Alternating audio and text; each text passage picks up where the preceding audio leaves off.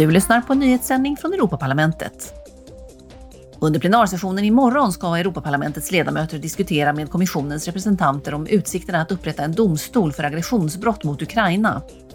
Redan i maj i fjol uppmanade ledamöterna EU att göra allt som krävs i internationella förfaranden och domstolar för att stödja åtal av de ryska och belarusiska regimerna för krigsförbrytelser, brott mot mänskligheten, folkmord och aggressionsbrott. Imorgon ska ledamöterna också fråga ut EUs utrikeschef Josep Borrell om en ny strategi för att stärka samarbetet mellan EU och Latinamerika. I oktober förra året enades utrikesministrar från både EU och Latinamerika om en strategi för att uppgradera de bilaterala förbindelserna. Modernisering av nuvarande handels och associeringsavtal och samarbete om den gröna omställningen är några av målen för detta partnerskap.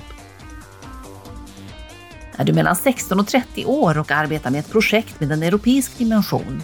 Då kan du ansöka om årets Karlspris för ungdomar och vinna pengar för att vidareutveckla ditt projekt. Kriterier som måste uppnås för att kunna vara med är att projekten främjar europeisk och internationell förståelse, bidrar till en gemensam europeisk identitet och till europeisk integration, tjänar som förebild för Europas unga och visar konkreta exempel på hur människor i Europa lever ihop i gemenskap. Du kan lämna in din ansökan fram till den 2 februari. Du har lyssnat på en nyhetssändning från Europaparlamentet.